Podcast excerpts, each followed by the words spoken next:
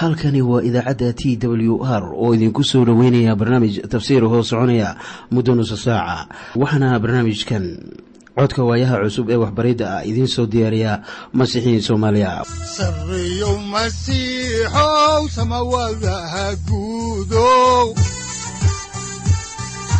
Siraadkii adduunkow subanaha eebow sareyow masiixow samawadaha guudow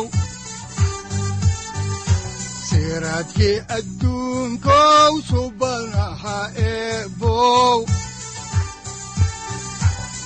adigoo samada jiro ifkan soo saldhiganba adigoo samada jiro ifkan soo saldhiganba kutubtiisanaye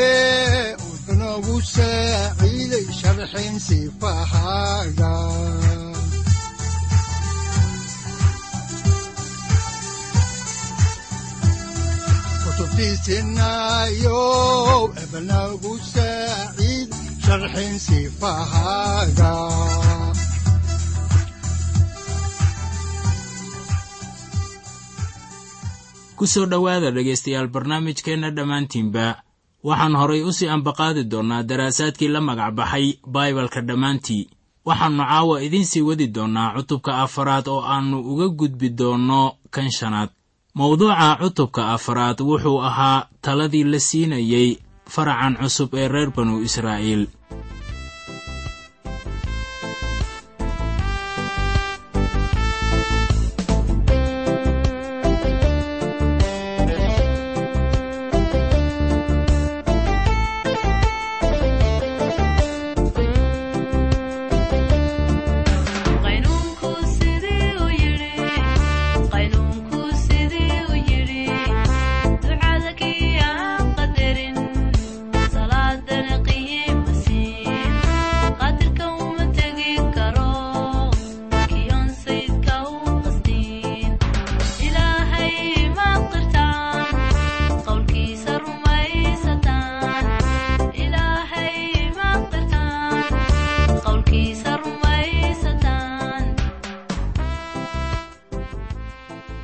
markii noogu dambaysay waxay inoo joogtay in barakada lagu helayo addeecista ilaah oo quruumaha kalena ay arkayaan in addeecistii xukuumadda iyo qaynuunnada rabbigu ay ka yeeleen reer banu israa'iil quruun weyn. Haddaba ilaah wuxuu dusha ka saaray adeeg waxbarasho oo ay ahayd in reer banu israa'iil ay carruurtooda iyo carruurta carruurtooda baraan xukuumadaha iyo qaynuunnada rabbiga marka horese waxay ahayd inay iyaga horta addeecaan qawaaniinta rabbiga. Waxa qaran waliba himiladiisu ay tahay waxa weeye in marka hore ay ubadkooda wax baraan guuldarrooyinka ku yimaada qaran waliba waxaa asbaab u ah taxliilna'aanta ubadka ama da'yarta waddankaas. Waxaana laynaga doonayaa in kuweenna waalidka ah aan gacan ka geysanno waxbaridda ubadkayaga marka ay sidaas tahay ayaa ilaah wuxuu dusha ka saarayaa mas'uuliyad weyn kuweenna waalidka ah. Haddii qowmiyada ama meeshu ay ku guuldarraysato umuurtaas waxaa guuldarradu ay saamaynaysaa guriga. Ilaahna xukun buu saarayaa waxaana cutubkan ahmiyaddiisa sare u qaadaya xaalkaasi waxaan dib ugu noqonaynaa iminkana xigashada kitaabka sharciga ku noqoshadiisa cutubkiisa afraad. Waxaanan hoos u sii aadaynaa aayadda laba iyo tobanaad. Waxaa qoran sida tan. Markaasaa rabbigu idinkala hadlay dabka dhexdiisii oo idinku waxaad maqasheen erayada codkoodii laakiinse wax qaab leh ma aydnaan arkin. Waxaase keliyahoo aad maqasheen cod. Marka haddaan faallada dib ugu soo noqonno ciise ayaa caddeeyey in ilaah uu ruux yahay. Kuwa caabudaana ay ku caabudaan ruuxa iyo runta sida ku qoran injiilka sida yooxana uu u qoray cutubka afaraad aayadda afar iyo labaatanaad. Dadku ma ahayn inay lahaadaan aragtida ama muuqaalka ilaah. Sayid ciise ayaa qof ahaan inoogu yimid baibalkuna waxba inooga sheegi maayo sida uu muuqaalkiisu ahaa iminka waxay idinla noqonaysaa inaan idin sawirayo sidii ciise uu u ekaa oo aan idinka siinayo tafaasiil dheeraad ah sidii uu qaab ahaan ahaa markii uu dunidan joogay. Waxaan haddaba garanayaa kuwo badan oo aad u jecel sawirrada farshaxanka ee ay taswiireen nimankaasi. Waxayba jecel yihiin inay sawirkaasi caabudaan laakiin waxaan idinku leeyahay waxaa idin dooroon inaad ciise ku haysataan qalbiga ama niyadda. Intii aad indhaha ku haysan lahaydeen waxaa jira run aad iyo aad u weyn oo ilaah uu inagu siinayo cutubkan. Tusmooyinka la siiyey reer banu israa'iil maalintaas ayaa qaynuunno waaweyn ahaa oo ay tahay inaan innana ku dhaqanno maanta. Waa tusmooyinkaasi waayo runtu waa abaddan haddaan dib ugu soo noqonno xigashada kitaabka oo aannu eegno cutubka afaraad aayadaha afar iyo labaatan ilaa toddoba iyo labaatan waxaa qoran sida tan. Waayo rabbiga ilaahiinna ahu waa dab wax baabi'iya oo waa ilaah xaasid ah. Markaad carruur dhashaan oo carruurtiinnuna carruur sii dhasho oo aad dalka wakhti dheer u sii joogtaan oo aad iskharribtaan oo aad samaysataan sanam qaab kasta ha lahaadee oo aad samaysaan wax shar ku ah rabbiga ilaahiinna ah hortiisa oo aad isaga ka cadhaysiisaan waxaan samada iyo dhulka maanta ugu yeedhayaa inay idinku marag furaan. Inaad dhaqso uga wada baabi'i doontaan dalka aad webi urdun ugu gudbaysaan inaad hantidaan. Dalkaas cimrigiinnu kuma raagi doono laakiin kulligiin waad wada baabi'i doontaan oo rabbigu wuu idinku kala firdhin doonaa dadyowga dhexdooda. Oo quruumaha rabbigu xaggooda idiin hoggaamin doono idinkoo yar ayaad ku dhex hadhi doontaan. Quruuntaas reer banu israa'iil waxay marag ilaah uga yihiin dunida maanta waxayna ka marag furayaan addeecisdarradii ilaah. Waxaa lagu kala yaaciyey quruumaha xitaa maanta. Maxaa taas sabab u ah? Iyagoo sameeyey wax ilaah ka mamnuucay inay sameeyaan. Waxaan garanayaa in qof uu odhan karo war soo tan haatan ay dib ugu noqdeen dhulkoodii oo welibana ay noqdeen qaran maanta. Waxaa qofka caynkaas ah aan ku leeyahay haa way ku noqdeen laakiin dhib bay ku jiraan. Miyaanay ahayn markii ilaah dhulka uu dib ugu soo celiyo sidii uu horayba u saadaaliyey ayaanay inaba jiraynin dhibka ay haatan ku jiraan.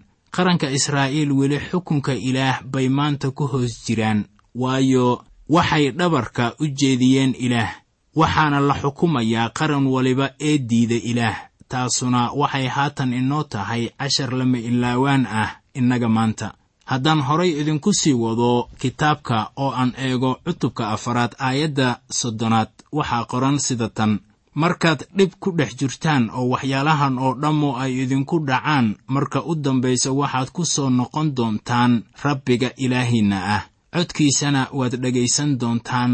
Haddaba wakhtiga dhibka weynu ayaa laynoogu sheegayaa markii ugu horraysay kaasoo ugu dambaynta imaanaya marka la leeyahay marka u dambaysa ayaa loola jeedaa wakhtiga dhibka weynu uu imaanayo. Ilaah wuxuu halkan ugu sheegayaa shuruud oo wuxuu leeyahay haddii aad ilaah u soo noqotaan oo aad maqashaan codkayga haddaan horay idinku sii ambaqaado kitaabka sharciga ku noqoshadiisa oo aannu eegno cutubka afaraad aayadda soddon iyo koowaad waxaa qoran sida tan maxaa yeelay rabbiga ilaahiinna ahu waa ilaah naxariis badan oo isagu idingabi maayo idinna baabi'in maayo iloobina maayo axdigii uu awoowayaashiin ugu dhaartay. Miyaa ilaah quruumaha uu ugu kala firdhinayaa inuu ka xoog badan yahay aawadeed mise inaannu arxan lahayn? Waa maya dhegaystow ilaah waa mid naxariis badan waxaa ilaah uu ku yidhi iyaga idingabi maayo idinna baabi'in maayo. Waxa aan ilaa iyo haatan loo baabi'inin reer banu israa'iil waxa weeye in ilaah uu naxariis badan yahay. Waa naxariistiisa aawadeed welibana asbaabta aniga iyo adiga aynu weli u noolnahay ayaa ah taas. Haddii lagu badbaadiyey ma ahan inaad tahay nin wacan oo wanaagsan. Sababtu waxa weeye naxariista ilaah. Aawadeed waa ilaah naxariis badan oo welibana inoo roon innaga xitaa. Siduu ugu roonaa dadkiisii hore. Nebi muuse wuxuu hor keenay caddayn la hubo oo ah in ilaah iyaga u tusay naxariis aad u weyn. Haddaan horay idinku sii ambaqaadno kitaabka sharciga ku noqoshadiisa oo aannu eegno haatan cutubka afaraad aayadaha saddex iyo soddon ilaa afar iyo soddon ayaa waxaa qoran sida tan. War weligeed dad ma maqlay codkii ilaah oo ka hadlaya dab dhexdiis sidaad u maqasheen oo kale oo ma sii noolaaday oo weligiis ilaah ma isku dayey inuu quruun dhexdeeda kala soo baxo quruun kale oo ma kaga soo bixiyey jarribaadyo iyo calaamooyin iyo yaabab iyo dagaal iyo gacan xoog badan iyo cudud fidsan. Sidii rabbiga ilaahiinna ahu idinkoo u jeeda ou idinku sameeyey dalkii masar. Ilaah waxyaabahaas oo dhan buu sameeyey iyadoo ay aabbayaashood arkayaan. Ilaah ma uusan doonayn inay taasi iloobaan ilaah wuu u wanaagsanaa iyaga wuxuuna doonayey inay taariikhdaasi xusuusnaadaan had iyo jeer. Haddaan horay idinku sii wadno xigashada kitaabka qaayaha weyn leh ee sharciga ku noqoshadiisa cutubka afaraad aayadda toddoba iyo soddonaad ayaa waxaa qoran sida tan. Wuxuu jeclaa awoowayaashin oo sidaas daraaddeed ayuu doortay farcankoodii iyaga ka dambeeyey oo wuxuu dalkii masar idinkaga soo bixiyey la jiriddiisa iyo xooggiisa weyn. Ilaah wuxuu sidaas u yeelay waxay ahayd inuu jeclaa iyaga taasina waa fasiraadda xaalkan uu leeyahay. Iyaga wax wanaagsan kuma jirin laakiin waxaa wanaagsanaa ilaah. Ilaah wuu ina jecel yahay innaga maanta laakiin inaguma uusan badbaadin jacayl wuxuuse inagu badbaadiyey nimco. Ma ahan inuu gadaal inaga soo geliyo samadiisa quduuska ah laakiin oo sidaas yeeli maayo allabariga dembiyadeenna waa in la bixiyaa. Jaceylkiisa aawgii ayuu inoo soo diray inuu masiixu inoo dhinto oo masiixu wuxuu jacaylkiisa gaarsiisnaa ilaa iyo heer dhimasho. Si aniga iyo adiga laynooga raalli noqdo baibalku inagu odhan maayo ilaah intuu dunida jacayl u qabay ayuu siiyey wiilkiisa keliya. Wuxuu sidan u sameeyey in mid kasta ku ahaadaba ee rumaysta isaga aanu dhiman laakiinse uu lahaado nolosha weligeed ah. Haddaan dib ugu soo noqonno xigashada ayaannu iminkana waxaynu idin akhriyaynaa kitaabka sharciga ku noqoshadiisa cutubka afaraad aayadaha afar iyo afartan ilaa shan iyo afartan waxaana qoran sida tan oo kanu waa sharcigii muuse uu hordhigay reer banu israa'iil. Kuwanuna waa markhaati furkii iyo qaynuunnadii iyo xukuumaddii uu muuse kula hadlay reer banu israa'iil markay dalkii masar ka soo baxeen. Haddaan intaasi ku soo gunaanadno cutubka afaraad ayaannu si toos ah idinku bilaabaynaa cutubka shanaad ee kitaabka sharciga ku noqoshadiisa. Mawduuca cutubkan ku qoran wuxuu ka hadlayaa naqtiinka tobanka wasiyadood. Waxaa halkan imaanaya hadalladii labaad ee muuse waxaa halkan mar kale lagu sheegayaa sharciga waxaana weli la sii adkaynayaa maaddadii qusaysay jacaylka iyo addeecista cutubkan shanaad ilaa iyo kan toddobaad waxaannu ku arkaynaa naqtiinka iyo tarjumada tobanka wasiyadood. Qarniga horay ugu maqlay tobanka amaradood ama wasiyadood buur siinay ayaa gebi ahaantoodba haatan wada dhintay. Allafahoodiina waxa ay hoos yaalleen lamadegaanka faracan cusub ee reer banu israa'iil iminka dhulka galaya waxa ay u baahan yihiin in sharciga mar kale loo meeriyo oo loo fasiro. Nebi muuse ayaa u tarjumaya sharciga isagoo ka shidaal qaadanaya khibradihii laga helay markii ay cidlada ku dhex lugaynayeen reer banu israa'iil. Dadka baibalka ka faallooda qaarkood baa odhanaya cutubkani waa nuqliga kii labaad ee kitaabka baxniinta. Waa hagaag sidaas bay u dhowdahay waxaana taasu ay muujinaysaa inay ahmiyad ballaaran tahay in la nakhtiimo. Cutubkaasi ka hadlayay tobanka wasiyadood waayo waa sharci aasaasi ah oo ku aadan dhanka damiirka. Waxaannu haatan eegaynaa maaddada koowaad waxaana weeye sharcigii oo haddana dib loo sheegayo loona fasirayo haddaan horay idinku sii wadno xigashada kitaabka sharciga ku noqoshadiisa cutubka shanaad ee baalka laba boqol iyo soddon ee axdigii hore aayadda koowaad waxaa qoran sida tan. Markaasaa muuse uu u wada yeedhay dadkii reer banu israa'iil oo dhan oo wuxuu ku yidhi reer banu israa'iilow maqla qaynuunnada iyo xukuumadda aan maanta dhegihiinna kula hadlayo inaad iyaga barataan oo aad dhowrtaan si aad u samaysaan waxaa halkan yaalla afar tallaabo oo ay tahay inaannu qaadanno markaannu eegayno hadallada ilaah. Tallaabada koowaad waxa weeye inaannu maqalno waxa ilaah uu inoo hayo. Tan labaadna waa inaynu baranno hadalladaas iyo inaan garanno waxa ilaah uu inagu leeyahay. Tan saddexaadna waxa weeye in la dhowro taasuna waxay ka micno tahay inaan hadallada ilaah niyadaheenna ku haysanno tan afaraadna waxa weeye in hadallada ilaah la dhowro. Waxa taasu ay ka micno tahay in aynu hadallada ilaah ku haysanno niyadaheenna. Tan saddexaadna waxa weeye in hadallada ilaah la dhowro. Waxaa taasu ay ka micno tahay in aynu hadallada ilaah ku haysanno niyadaheenna. Waxaa markaasi aad xusuusataa waxa nebi daa'uud uu ku leeyahay zabuurka boqol iyo sagaal iyo toban aayadda kow iyo tobanaad. Wuxuu ku leeyahay sida tan. Waxaan eraygaagii qalbigayga ugu keedsaday si aanan kugu dembaabin tan afaraadina waxa weeye in lagu camal falo waxa layna farayo. Ma ahan in la xusuusnaado hadallada ilaah oo maanka lagu haysto oo keliya waase in lagu dhaqmo.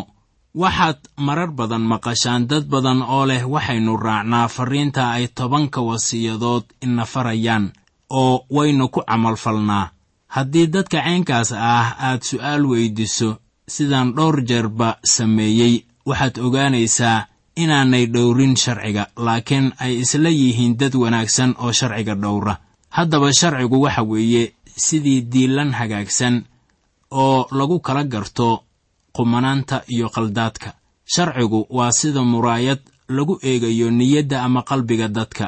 Waa sida ilayska gawaarida oo ku tusaya waddada wakhtiga habeennimada oo welibana kuu muujinaya halka waddadu ay gowladda ka tahay ama jiirooyinka.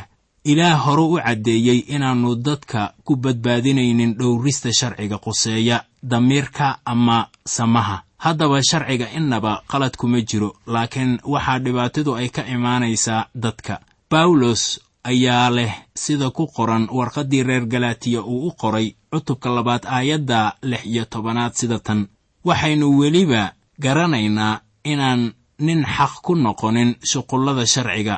Rumaysadka uu ciise masiix ku rumaystay mooyaane xataa innagu waannu rumaysannay ciise masiix. Inaynu xaq ku noqonno rumaysadka masiixa ee ayan ahayn shuqullada sharciga. Maxaa yeelay shuqullada sharciga ninna xaq kuma noqon doono. Ma jiro cid haddaba lagu aqbalayo sharciga. Maxaa taa sabab u ah waxaa sabab u ah inaanay dadku samayn karin shuqullada sharciga ama waxyaabaha sharcigu uu ina farayo mar kale ayaa waxaa ku qoran warqaddii rasuul bawlos uu u qoray dadka reer galatiya cutubka saddexaad aayadda sagaal iyo tobanaad sida tan. Haddaba sharcigu waa maxay? Waxaa loogu daray xadgudubyo aawadood ilaa farcankii loo ballanqaaday yimaado oo waxaa xagga malaa'igaha lagaga amray dhexdhexaadiye gacantiis. Waxaa markaasi suuragal ah inaad isweydiso waa maxay ujeeddada sharciga? Jawaabtu waxa weeye in sharciga laynoo siiyey siyaado iyadoo ay ugu wacan tahay eedda ama xadgudubka dadka. Wuxuuna dhaqangal ahaanayaa ilaa inta masiixu uu ka imaanayo. Sidaad arkaysana sharcigu joogto ma ahan.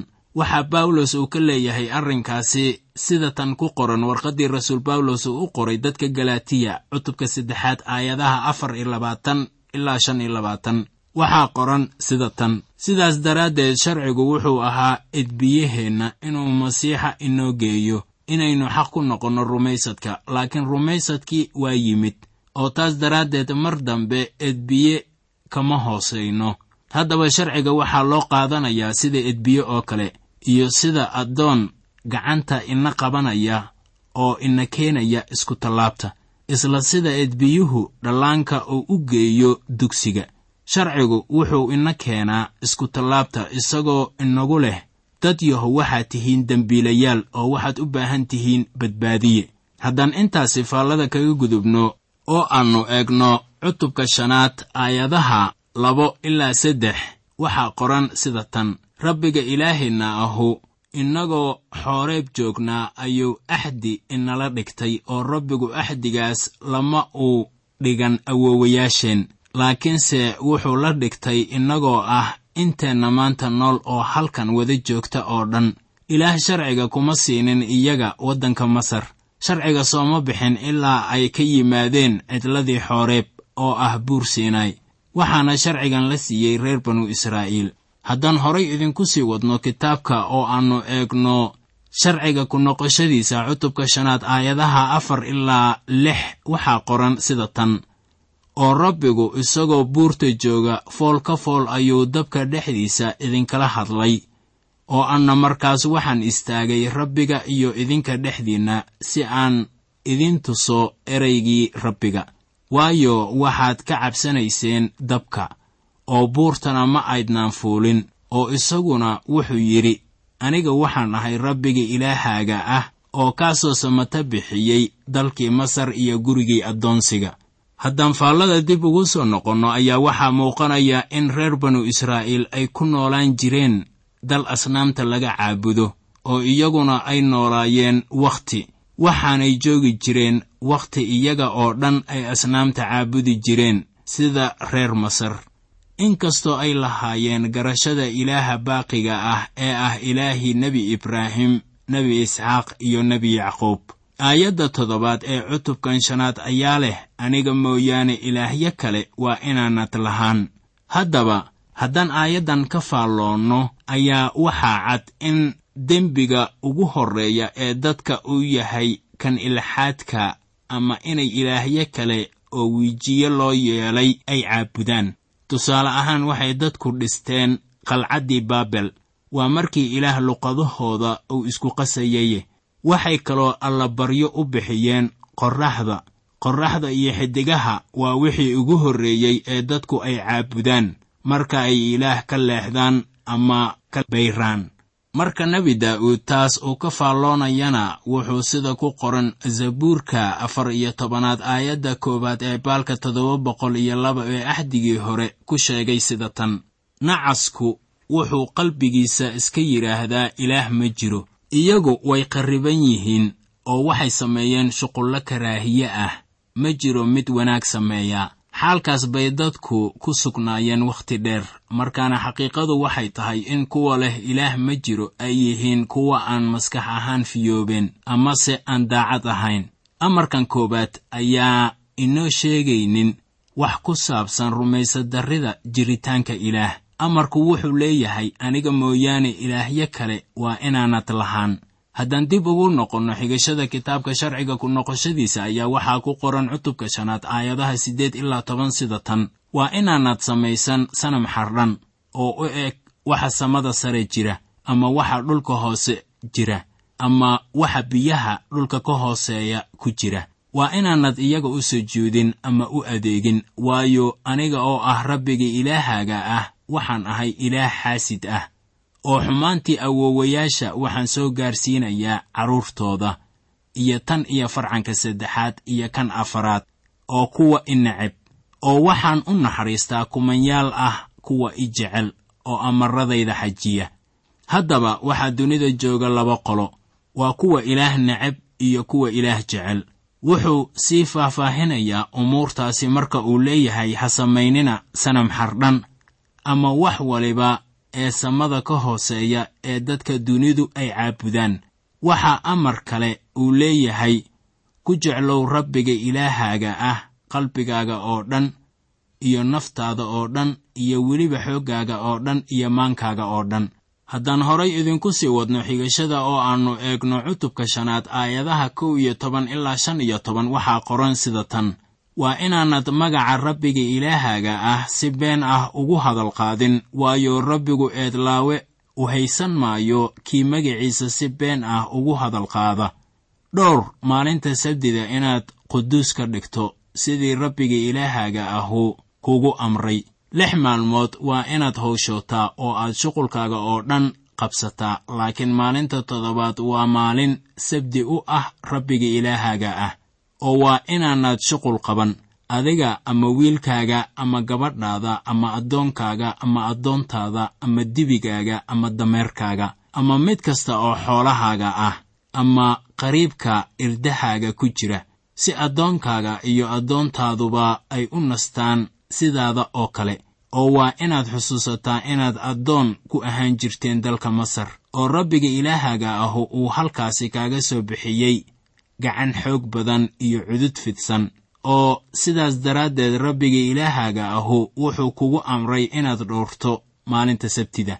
Haddaba tan xiisaha leh waxa weeye in sharciga oo dhan aad ka helayso kitaabka axdiga cusub. Waxaan ka ahayn waxa quseeya sabtida. Maxaa taa sabab u ah? Waxaa sabab u ah in sabtida aan la siinin kiniisadda kiniisaddu waxay kulantaa maalinta koowaad ee toddobaadka oo ah maalintii uu masiixu ka sara kacay dhimashada. Reer banu israa'iil waxay sabtida u haystaan axdi u dhexeeya iyaga iyo ilaah.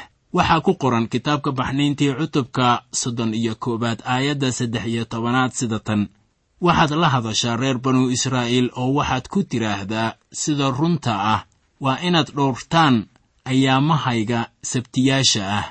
Waayo waa calaamo ina dhex taallo aniga iyo idinka ka'ab ka'ab si aad u ogaataan inaan anigu ahay rabbiga quduus idinka dhigaya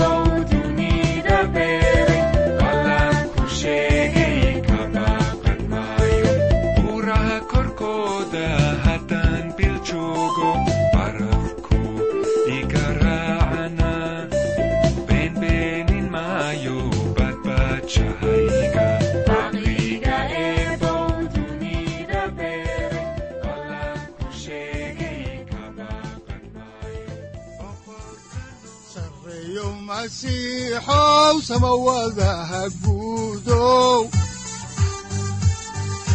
siraadkii adduunkow subanaha eebow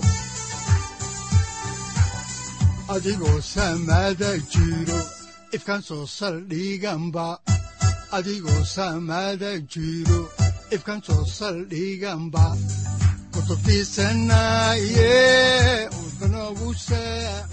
halkani waa t w r idaacadda t w r oo idinku leh ilaa ha idin barakeeyo oo ha idinku anfaco wixii aad caawi ka maqasheen barnaamijka.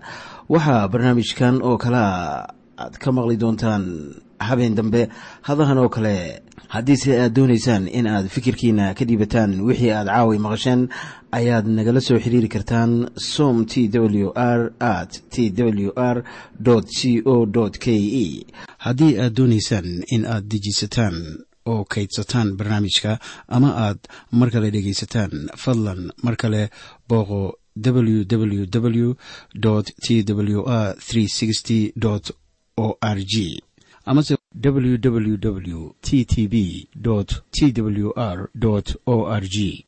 Amase waxaad teleefoonkaaga ku kaydsataa ama ku download garaysataa agabyada ku sahli karaa dhegeysiga t w r haddii aad doonayso in laga kaalmeeyo dhinacyada fahamka kitaabka amase aad u baahan tahay duco fadlan fariimahaaga soo mari bogga aaraahda ama kommentska inana jawaab degdeg ah ayaanu ku soo diri doonaa amase ku siin doonaaye. Sareyow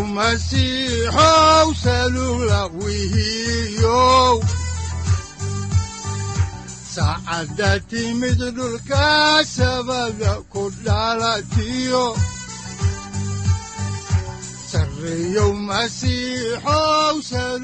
halkani waa t w r oo idiin rajaynaya habeen baraare iyo barwaaqaba leh.